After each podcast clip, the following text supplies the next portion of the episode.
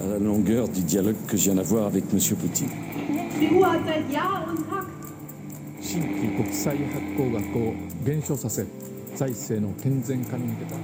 Símbolo del fascismo en Sudamérica. मगर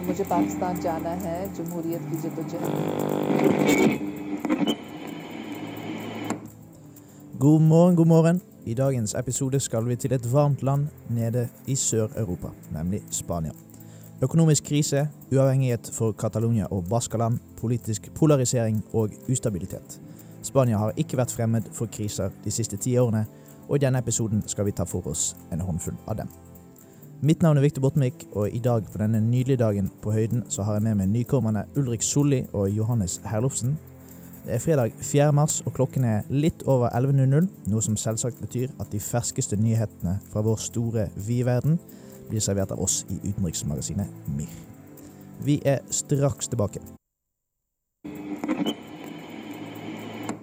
Har du selv hatt samtale med Meshal? Kan vi ikke ta eh, opp opptaket på dette eh, på ny?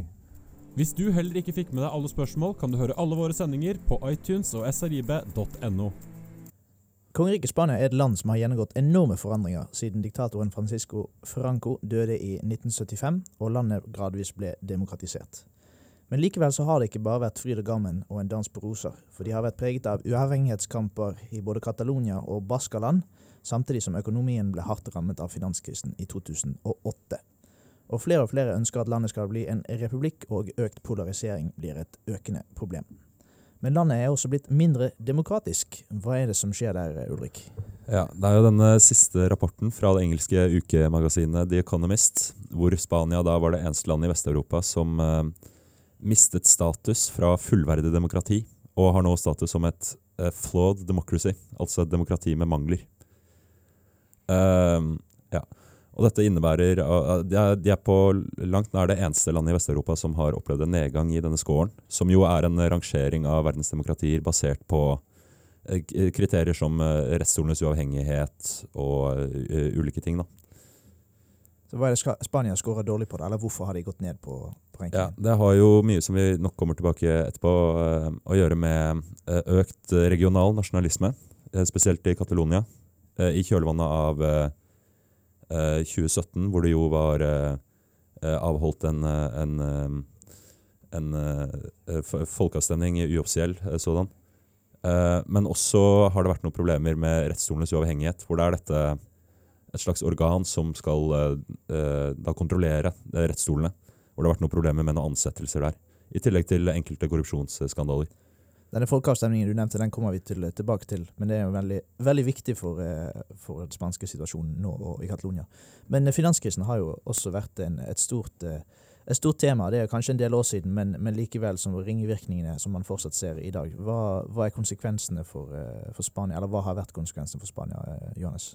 Jo, de, de har jo vært mange. Eh, tar du turen tilbake til 2008 og Lehman Brothers-fallet faller på, på børsen der, eh, så hadde det store ringvirkende konsekvenser for altså særlig arbeidsmarkedet i Spania. Da? Det var jo Spania og Hellas som ble desidert hardest rammet økonomisk av finanskrisen. Eh, dette hadde konsekvenser for eh, for opptøyer i, i Spania, hvor veldig mange mennesker, unge mennesker ikke lenger slapp inn på arbeidsmarkedet, og mennesker med høy utdannelse særlig, ikke fant ut til slutt at det ikke fantes noen jobb å få. Um, som senere har gitt konsekvenser som utspiller seg i, i det politiske systemet, hvor man føler at de menneskene som satt med makten etter 2008, ikke eh, var responsive på en måte, da, og ikke kunne svare på de behovene som velgermassen hadde. Eh, som igjen har gitt utslag i fremveksten av eh, såkalte venstrepopulistiske partier, da, som i klassisk forstand kritiserer det etablerte. eh, som igjen har sant, I samsvar med alle disse andre nedgangene til det etablerte sosialdemokratiske partiene i Europa, så har også de tradisjonelle partiene i Spania saktet akterut eh, på bekostning av disse nye fremadstormende populistiske partiene som, som kritiserer det etablerte, og som, og som har noe annet å, å tilby. Og, og i den forstand så er finanskrisen helt avgjørende for å forstå dagens politiske situasjon. Da. Så det er altså flere faktorer som spiller inn i, til den situasjonen som, som Spania har, har, blitt i dag. Vi eh, har eh, fått intervjuet en, en, veldig kunnskapsrik kar om situasjonen i Spania. En, en Spania kjenner på, på, mange, måter. Eh, Johannes Nymark heter han. Han skal gi oss en opplysning gjennomgang om katalansk uavhengighetskamp fra rundt 1975, da Francisco Franco døde, til i dag. Men før det så skal du få et lite musikalsk innslag fra Spania, ikke minst. Her er Dos por av Costa de Amb. I dag er vi så heldige å få intervjue Johannes Nymark, filolog og spaniakjenner, ansatt ved Norges handelshøyskole, og forfatter av bøkene Drømmen om Catalonia og Barca i kamp siden 1899. Uavhengighetskampen har jo vært i vinden for, for, noen år siden, og, eh, og Franco døde i, i, 75. Det er kanskje et naturlig sted å begynne. Så ja. hva, hva, er det som har skjedd, eller hva er det som er, er viktig for uh, den katalanske uavhengighetskampen uh, som har skjedd siden da? Ja, Der har du jo òg en del tilfeldigheter. For eh, når jeg var der i, på 70- og 80-tallet, så var det ikke særlig stor uavhengighetsønsker Eh, de fikk eh, et altså sånn autonome eh, statutter i 1979. og etter det så, så, kunne, så kunne, de altså regjere seg sjøl på, på, visse områder. Kulturelle områder. politi. De hadde eget politi. Eh, og, eh, men det viktigste for dem, nemlig det økonomiske, der var de veldig avhengige av, eh, av eh, sentralregjeringa i Madrid. Ja, på jo, hvilken måte da? Nei, det var jo sånn at uh, de overførte store summer til uh, regjeringa i Madrid. De betalte uh, Lenge var det sånn at 22% av alle skatteinntekter som uh, sentralregjeringa i Madrid fikk inn, de kom fra Catalonia. Uh, og uh, eh, 20% av bruttonasjonalprodukt kom òg fra Catalonia. Så det, jo, det, det, var jo den viktigste økonomiske, og er på mange måter den viktigste økonomiske regionen i uh, Spania fremdeles. Kanskje litt med, med, geografi å gjøre at, at Catalonia ble så tidlig så viktig for den industrielle revolusjonen. De har jo litt fjell og elver, og, og kanskje ja. mer naturlig sted sånn sett? Ja, veldig naturlig ut fra geografiske eh, forutsetninger ligger veldig gunstig til på Middelhavet. Husk at Middelhavet i mange århundrer så var jo det det viktigste havet for uh, søreuropeere. Og katalansk språk ble jo snakka i Sør-Italia, og de nådde så langt bort som til, til Hellas og til nordlige del av Afrika før de, eh, Atlanterhavet med oppdagelsesreisende på 1400- og spesielt på 1500-tallet overtok den betydningen som Catalonia og eh, Middelhavet hadde hatt. Men pga. den plasseringen, da òg nær Frankrike, så var Barcelona som havn og Catalonia som område var mottakelig for ideer fra Frankrike, som eh, revolusjonsideene fra den franske revolusjonen liberale ideer. Alt dette her kom inn eh, i Spania via Catalonia, kan en si, og via havnebyen Barcelona. Både den eh, økonomiske liberalismen og den, eh, den politiske liberale ideer kom veldig tidlig inn i Catalonia. Og eh, det er ikke tilfeldig at eh, katalanerne mange ganger har eh, forsøkt å etablere republikken istedenfor eh, for monarkiet. Og opprøret i 2017 eh, eh, var jo eh, et forsøk på å innføre republikken og si farvel til det spanske monarkiet. Når du sier dette her, når du nevner dette om uavhengighet, så vil jeg jo nevne at på 1980-tallet så var det rundt 10% av befolkningen som var for uavhengighet. De andre var stort sett fornøyd med sjølstyrestatutter. Og så seint som rundt 2000 så var, så var, det steget, men veldig lite, til, to, til 13 eh, som var for uh, uavhengighet. Men denne uavhengighetsutviklingen, da. Altså, når er det den begynner, eller hva er grunnen til det, tror du? Grunnen til det, det er den måten som uh, sentralmyndighetene i Madrid uh, behandler katalanerne på. Og det har å gjøre med at rundt 1990 så de selvstyrestatuttene som var blitt innført i hver og en av de 17 spanske regionene, de, var, de skulle eh, revideres. Og ble revidert i den ene, den, den ene, regionen etter den andre. Rundt 2000 så, så kom turen først til Baskaland, eh, som forsøkte å innføre et eh, system der, som ligner litt på det som Puerto Rico har, som assosiert medlem til USA. Men det eh, mislyktes totalt.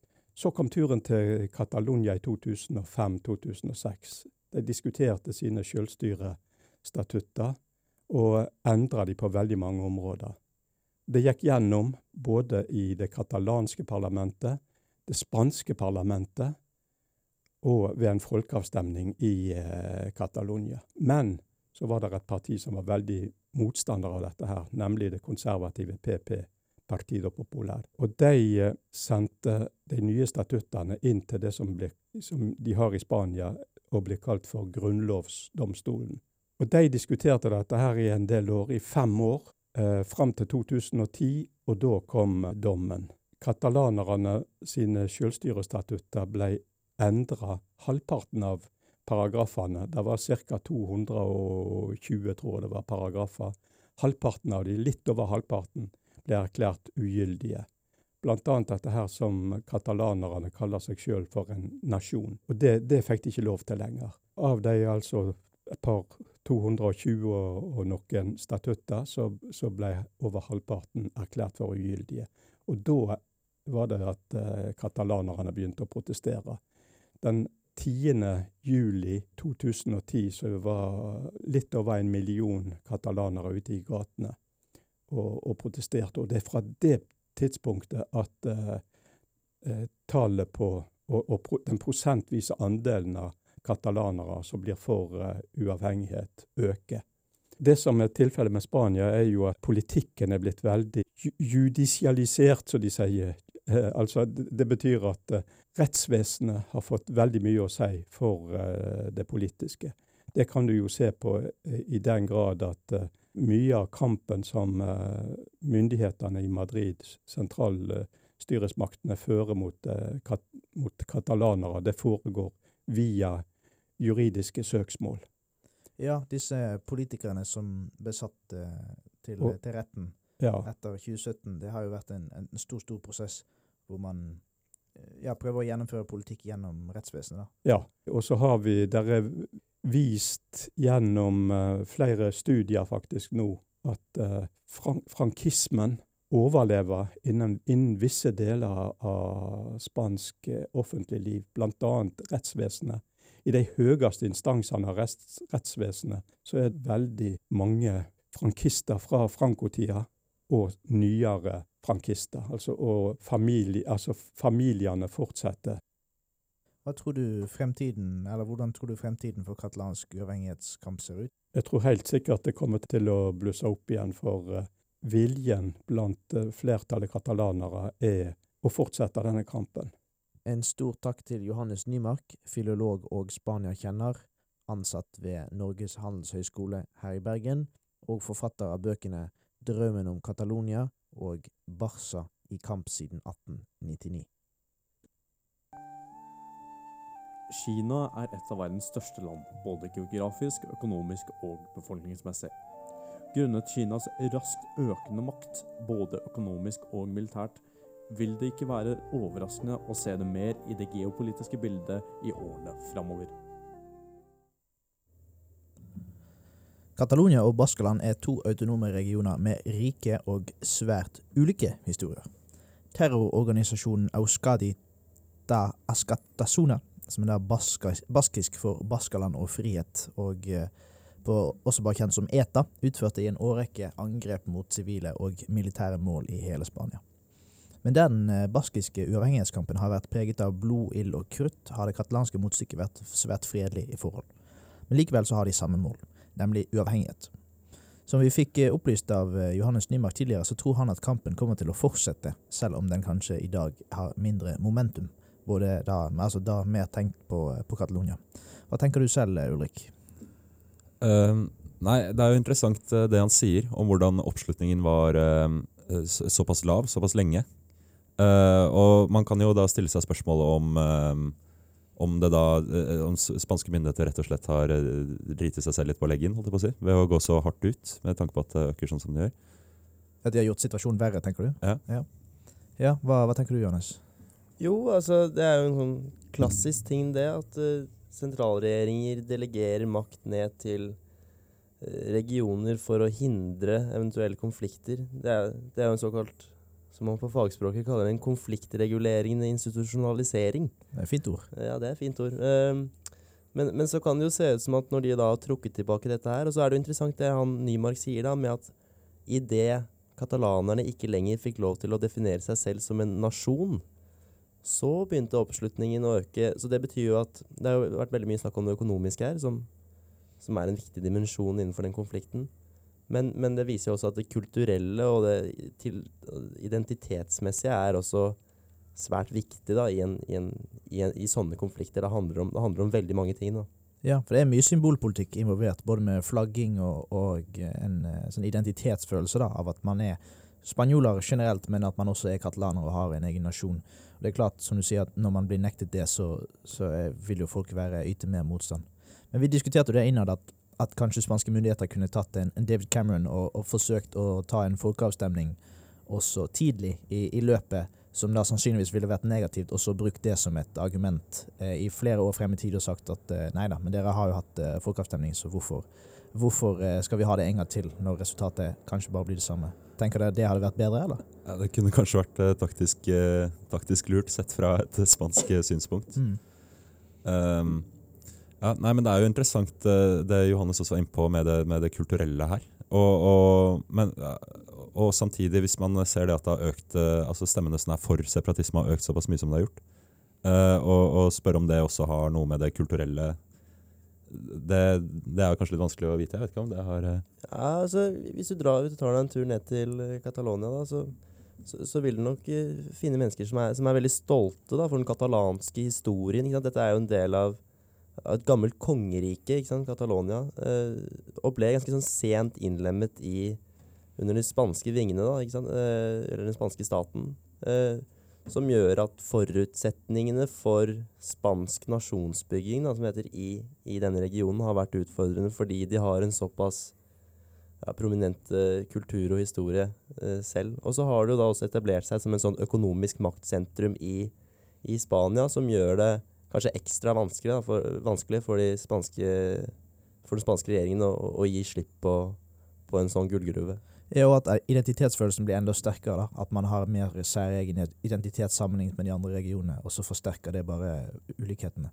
Men tror dere selv at, eh, at kampen kommer til å, til å, fortsette, selv om ja, Noe kan jo skyldes korona, men, men, det er jo klart at denne her uavhengighetskampen har dødd litt ut de siste årene sammenlignet med, med 2017. Men tror dere den kommer til å fortsette eller blusse opp igjen? Ja, det er jo ting som tyder på at det absolutt ikke er avgjort.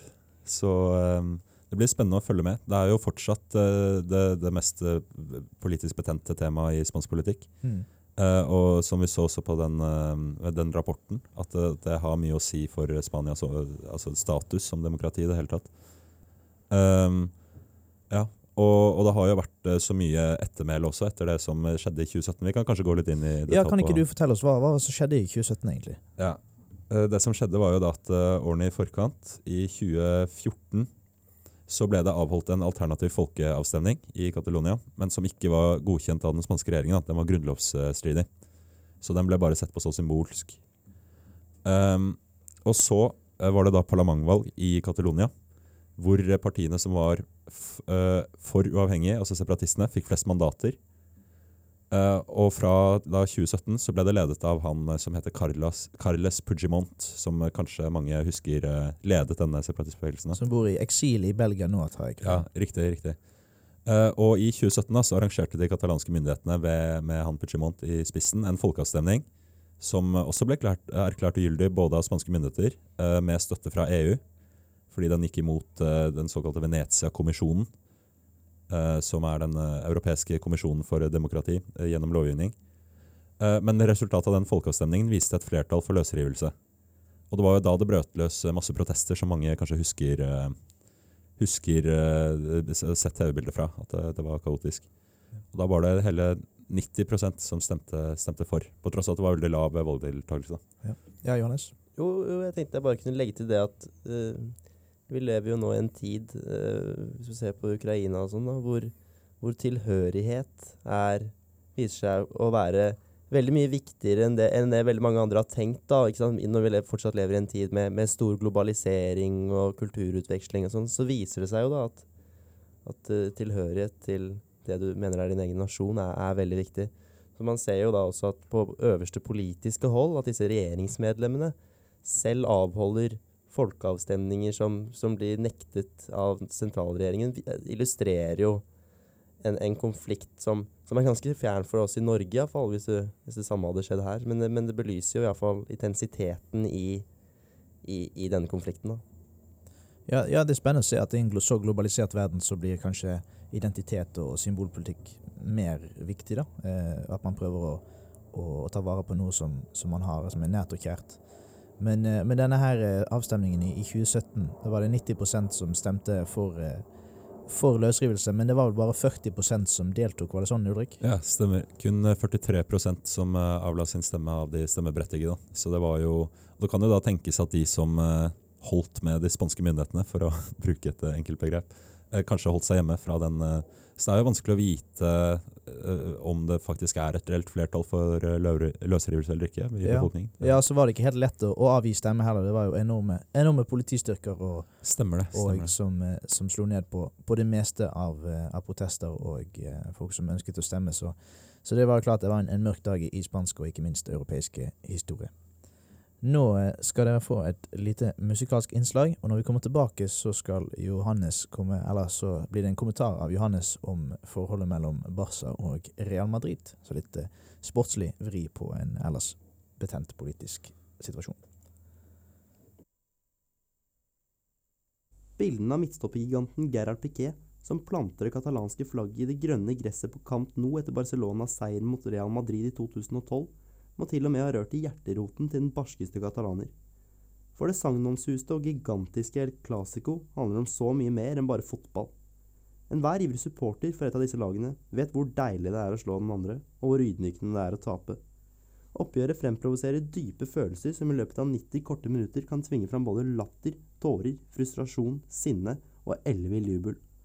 Når du da i tillegg legger på en stadig mer betent nasjonal konflikt som strekker seg langt utenfor fotballstadionenes grønne arealer, kunne man ha mistenkt disse fotballfansa for å lide av en kraftig bipolar lidelse. Det handler om politikk, identitet, kultur, økonomi og tilhørighet. Men først og fremst så handler det om å vinne. For Barcelonas tilhengere handler det om å vinne over det de mener er en undertrykkende spansk sentrumsadministrasjon. For dem er fotballklubben Real Madrid nettopp en illustrasjon på hva de så lenge har ønsket seg vekk fra. For Real Madrid-supportere handler det om å vise hvem som er sjefen, og gi en skikkelig ørefik til sin ustyrlige og opportunistiske lillebror er noen ganger på sin rette plass. Hva er det med fotballen som gjør den til en arena der sport og politikk blandes sammen? I likhet med så mange andre fenomener vil en historisk oversikt kunne gi svar på spørsmål mange finner det vanskelig å gi noe tydelig svar på. Den spanske fotballen har nemlig ikke fått særlig mye fred. Den har blitt brukt som et hyppig instrument for gale statsbyggere som ikke kjente på noen særlig form for normativ forpliktelse til regionalt selvstyre der folk fikk dyrke kulturen sin i harmoni. Fotballen kom til Spania på slutten av 1800-tallet. Vi må derimot bevege oss fram til 1927 for å finne det tidspunktet der man for alvor tok det første sparket på ballen. Organisatoriske strukturer og reguleringer i det første nasjonale mesterskapet etablert, og dermed var man i gang. Allerede her blusset de første konfliktene opp, med sterke motsetninger mellom den katalanske regionen og sjefene i Madrid. Katalonerne ønsket nemlig ikke noen nasjonal liga. Regionale mesterskap holdt i bøttevis. Sentralregjeringen i Spania fikk det naturligvis som de ville, og El Clásico, som hvis kjent navn heter, så for alvor sitt fødested. Intensiteten på stadion økte ikke overraskende nok, med stadig flere politiske sentraliseringsvedtak i Madrid. En kamp i 1925 var misnøyen hos katalonerne så betydelig at et pipekor rommet gjennom stadion for å drepe lyden av den spanske nasjonalsangen. Reaksjonen? Militærkommandanten i det spanske forsvaret tok like så greit og stengte ned Barcelona stadion i seks måneder. Å legge et lokk på noe autoritære regjeringer ikke finner komfortabelt, er ikke noe vi burde være ukjent med i dagens geopolitiske, kaotiske bilde. Francos tilegnelse av makt etter den spanske borgerkrigen og dets medbringende fascistiske ideologi fant raskt ut at nettopp fotballen kunne brukes som et hyppig statsbyggende instrument. Det tok ikke lang tid før sporten innrettet seg etter det politiske regimets ønsker. Fascisten Franco var selv en ivrig fotballfan, og tok raskt hovedstadsklubben Real Madrid under sine mektige vinger. Laget ble av mange, og uten at det var veldig feil, kalt for regimets lag. En kan kanskje tenke seg til hva dette gjorde med det senere rivaleriet mellom de to mektige klubbene.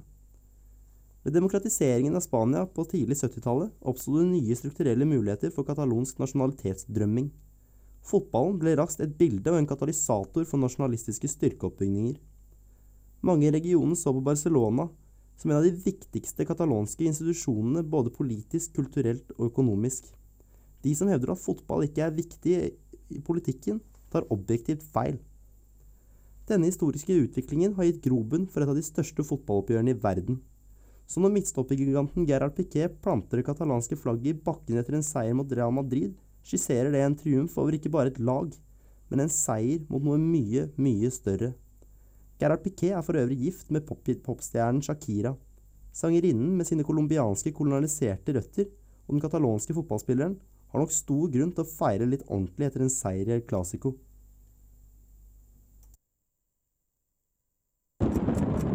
For instance, there are prejudices about the age at which people can begin a new career.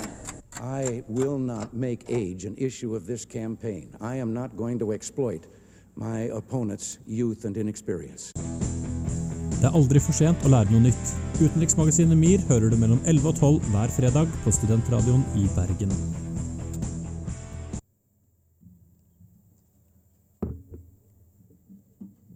Spania har som nevnt falt noen plasser på den årlige demokratiindeksen til The Economist.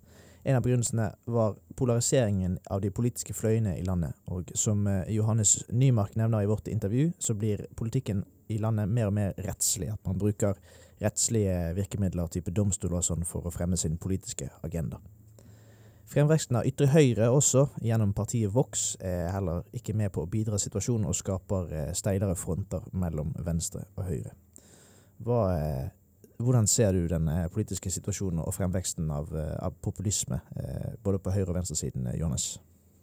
Nei, altså I likhet med, med, veldig mange andre land i Europa, så har det jo vokst fram såkalte populistiske partier, da, som særlig fikk på en måte en sånn en byks på velgeroppslutningen etter 2010, og som etter det bare har skutt i været altså, Det er veldig mange begrunnelser som på en måte kan, kan gi svar på dette her. Både økonomiske, kulturelle uh, og rent politiske. Men, men, dette her som du nevner, da, Viktor, med at, uh, med at uh, mye av politikken på en måte har beveget seg over i en sånn slags form for rett, rettsliggjøring av, av, av, politikk, er nok en stor grunn til dette her. Disse, disse, menneskene føler jo at, at de ikke lenger blir representert på, på den måten demokratiet egentlig skal, skal fungere, og, og, søker å stemme på partier som, som kan gi et svar på dette. Da, og det gjør disse partiene ved å fremme en, eh, et alternativ for en mer sånn form for direkte demokrati. Der hvor, der hvor begrensningene og institusjonene ute som ikke har direkte repre representasjon, uh, skal spille en, en mindre rolle da, i, i, programmet til disse partiene. Hva gjør dette her med, med rettsstaten Spania, da, når man bruker uh, Høyesterett og, og, andre domstoler for å fremme politiske agendaer eller slå ned på regionale opprør, uh, Ulrik? Nei, det kan man jo bare spekulere i. Ja, det er det vi er flinke på her. Nei, det er jo, det er jo interessant å se hvordan det, det løses rett, uh, i rettsstatene. Spesielt med tanke på hvordan Spania jo er sammensatt. Det er jo et land bestående av 17 autonome regioner, hvor alle har selvstyre, men Catalonia og Baskeland har, har, mest. Og det er veldig store forskjeller mellom de ulike regionene. Så det er jo ja, nei, det, det, er jo spennende hva, hva det gjør med liksom den, den, sentrale følelsen. Hva, ja, for, kan det være at, at, lim, at, limet mellom disse regionene, altså de rettslige, rettslige virkemidlene, forsvinner litt når man, når man bruker de som, som, politiske verktøy? Jonas? Ja, ja, det kan du jo si. Uh, man ser jo dette her, i, ikke, ikke, bare i Spania, men i også andre land, at, uh, at domstolene gjøres om til en, en slags politisk uh, eh, eller en, mer politisert institusjon. da. Eh, hva er det han heter? Han Rousseau, som sa at den, den dømmende makt skal være minst viktig. Eh, og så ser man jo at det kanskje ikke stemmer lenger. da. Eh, så det, det, det belyser jo kanskje en sånn sykeliggjøring av et sykdomstegn da, ved, ved, det spanske demokratiet eh, når du får en sånn utvikling, eh, som igjen da eh, i viktig forstand har konsekvenser for den sentrale voksne, altså fremveksten av, av, disse populistiske partiene, da, som mange også ses på som en trussel, det skal sies. ikke sant? Ja, for disse populistiske partiene de må vi snakke om. Ja. Fordi Spania er jo ikke fremmed for populistiske partier, verken på høyre- eller, eller venstresiden. Eh, Vox, eh, som da er ut på, på ytre høyre, har vokst, eh, vokst frem, ja, de har vokst frem veldig, veldig mye de siste årene. Eh, på grunn av blant annet eh, migrantkrisen i 2015 og, og andre, andre, faktorer som, som, spiller inn. Hvordan eh, tenker dere det her kan, kan, ha å si, altså fremveksten av populisme i Spania? Hvordan, ja. hvordan tenker ja, dere det? vi kan jo først tegne opp et litt sånn grått bilde av hvordan det ser ut partipolitisk i Spania, kanskje? Ja, gjør det. At det er jo den sitre, sittende regjeringen nå, med Pedro Sánchez som er statsminister, er jo Sosialistisk parti, eller for venstresida. Uh, og så har du også andre, et annet stort parti, det konservative partiet, som heter uh, eh, PP, eller Partido Populær. Uh, og så har du da hatt fremvekst av dette Vox på høyre, som, som er enda mer høyreradikalt. Mm. Og, og, det jeg, jeg, tenker er interessant, da, kanskje med tanke på det vi pratet om med Catalonia tidligere òg, er at dette er et veldig nasjonalistisk parti. Men de er spanske nasjonalister. så, så, med tanke på det at at vi har prata mye om regional nasjonalisme, så ser vi også at dette kan være kanskje et symbol på en økt nasjonalisme generelt også. Johannes? Ja, Victor, du, du pekte jo på flyktningkrisen i 2015 som en uh, årsak til, bak dette her, og det, det vil jeg si, si, meg enig i. Det er veldig mange spanjoler i dag som føler på at uh, den, den, den spanske identiteten og kulturen er rammet av ytre trusler fra Særlig fra deler av Afrika. Spania ligger langt sør i Europa og er et land som er uh, utsatt for store flyktningstrømninger. Uh, og som også da, i likhet med veldig mange andre ting, blir veldig betent når det både handler om økonomi og kultur. Fordi disse, dette, særlig dette høyrepopulistiske partiet, Vox, mener jo at uh, i samsvar med andre høyrepopulistiske partier at, at det er den et etniske befolkningen, at det er spanjolene som først og fremst skal dra nytte av de velferdsgodene som finnes der, da, og, og slike ting. Ja, Ulrik? Ja, Vi kan jo prate om uh, Spania har jo Det har jo vært mye de siste dagene om uh, Spania har to eksklaver i nord i Marokko, Melia og Ceuta. Hvor det nå de siste dagene har vært, som jo er under kontant Ikke trussel, holdt jeg på å si, men hvor det er et stort press for folk fra lenger sør i Afrika. Det er jo da EUs yttergrense. Og kanskje har det, og de siste dagene også har det vært eh, mange migranter som har prøvd å bryte seg gjennom. har vært litt i, i om det. Så det, med, med, tanke på det Johannes sier, at jo, Spania jo, tar jo imot mye av den flyktningstrømmen som kommer lenger sør, eh, kommer fra Afrika til Europa også. Ja, og Spania er Europas sørligste grense, egentlig. For disse, disse enklavene du nevner, er jo formelt sett eh, EU og spansk jord. Så, så, kommer man inn der, så kan man søke både altså, man kan søke asyl og, eh, og, melde seg selv som flyktning. Det, da. Ja. ja. Og, og, så er det, Vi prater om ytre trussel, men det er jo også de indre truslene, som vi, som vi litt var inne på i sted. Altså dette med, med Hvis katalanerne føler seg mer og mer katalanske, at det kanskje kan lede til at spanjolene også føler seg mer og mer spanske. At det blir eh, at det er liksom trusler både fra indre og ytre som kanskje kan drive frem en sånn høyrepopulisme. Som er eh, ja, så du, du, du, kan jo, du, kan jo, egentlig si at, at det finnes At etterspørselen da, for disse partiene absolutt er til stede i, i Spania. Eh, særlig de siste årene, med alle disse tingene som vi har snakket om. Finanskrisen, eh, Catalonia og eh, flyktningkrisen. ikke sant? Det er altså mange faktorer som spiller inn i spansk politikk, og eh, vi håper å ha gjort dere litt klokere på det. Når vi kommer tilbake, så må vi snakke om det som alle snakker om i dag. Det er Ukraina-krisen og men før det så skal du få et lite musikalsk innslag.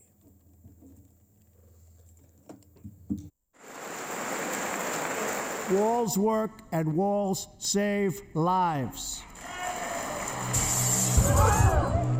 Mr. President. Uh, yeah, go ahead, please.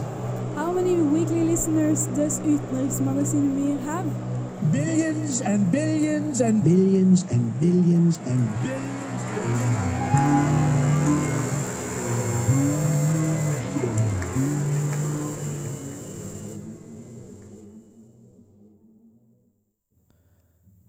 Selv om dette i hovedsak er en sending om Spania og konfliktene knyttet til landet, så kommer vi dessverre ikke utenom krigen i Ukraina.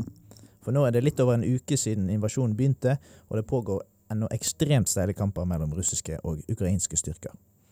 Det siste som har skjedd, er at russerne har inntatt byen Kherson sør i Ukraina, og det er den første større byen som har falt til eh, invasjonsmakten. Og Byen er strategisk viktig havneby i Svartehavet, og okkupasjonen gir også russerne kontroll over større deler av den ukrainske kystlinjen. Men uh, i, uh, i går kveld og i dag så våknet vi opp til uh, nyheter om at russerne har begynt å angripe, eller har angrepet et, russ, et ukrainsk atomkraftverk. Ulrik, hva har skjedd? Ja. Nei, den store nyheten nå er jo at det har i, i natt at det ble meldt om brann ved et stort atomkraftverk sør i Ukraina. I forbindelse med at russiske styrker har gått i angrep for å prøve å få kontroll over dette kraftverket. Som har ledet til harde kamper eh, ved anlegget, som da ledet til en brann igjen. Eh, den skal heldigvis ha blitt eh, slukka i natt. Men det er, jo, det er jo fryktelig skremmende, om man kan si det. det Ja, Man så jo at salget på jodpiller på apotekene her i Norge har skutt i været, og man er tom for jod, fordi at jod skal fungere som en sånn motgreie mot atomnedfall. da. Men nei, det, er, det er jo en vanvittig tid vi lever i da, når, når det skjer sånne ting, ikke sant. Um, og det er, jeg tror det er stor grunn til å, til å være, være litt redd akkurat nå. Ja, ja ukrainerne er heller ikke, heller ikke fremmed for eh, atomkraftverkulykker. Eh, det er bare navnet Tsjernobyl gir jo fortsatt frysninger eh, selv til, til, til vår generasjon. Så det er jo det som er den store frykten, at det skal, skal skje igjen. Men eh, så, nå har det gått litt over en uke siden invasjonen, og russerne har ennå ikke klart tror noen av de målene de har satt seg. Og ukrainerne kjemper fortsatt veldig hardt. Altså, hvor lenge tror dere denne her konflikten kommer til å holde på? Nei, Det er jo umulig å si sikkert, men det, det virker jo som det blir en hardere krig enn eh, det russerne hadde forventa, som, som du er inne på. Uh, og ja, det har bare vart en uke, og det er jo allerede en million flyktninger. Uh, og det virker jo som den bare tiltar i styrke også. Uh, så det er, jo, det er jo bare skremmende og, og trist. Ja. Er det noen flere reaksjoner utenfra, Johannes? Ja, altså Jeg må, jeg må si at jeg tror ikke, jeg tror ikke Putin hadde, hadde forventet en, en sånn samlende reaksjon fra den vestlige verden, ikke sant? Uh, man har snakket i foregående kriser de siste årene om at Vesten ikke har klart å stå sammen, at EU ikke har klart å stå sammen, at Nato har vært splittet, mye pga. Trump i, i USA. Men uh, jeg må jo si at jeg kjenner meg litt stolt for å være europeisk uh, i, i, denne, i denne situasjonen her. Jeg syns at EU og Nato og samhandlingen mellom de vestlige aktørene har vært veldig god. Eh, og så er kan man jo lure på da, hva, hva intensjonen til Putin egentlig er. Eh, man snakker jo om at han egentlig ikke har noen ting å vinne på dette her. eh, at han bare skal sette inn en marionettregjering med en eller annen sånn Russland-dukke i Ukraina hvis han klarer å ta landet militært. Så Nei, eh, det blir spennende å se hvor lenge det varer, men eh, jeg tror nok uansett at vi har en klar taper, og at eh, han sitter i Moskva. Ja, Ulrik? Ja, vi kan jo legge til at det skal være nye møter i dag mellom Natos utenriksministre. Så det blir jo spennende å se hva som kommer fra den kanten òg, og, og hva dette har å si for den videre utviklingen i, i krigen. Ja, Vi i utenriksmagasinet vi kommer til å følge konflikten i Ukraina veldig tett i ukene fremover og så lenge det varer. Men eh, vi er nok ingen, ingen spåmenn og kan kun spekulere i hvordan ting kommer til å skje fremover. Men vi kan iallfall love de ferskeste og de beste analysene Studentradioen Bergen kan tilby.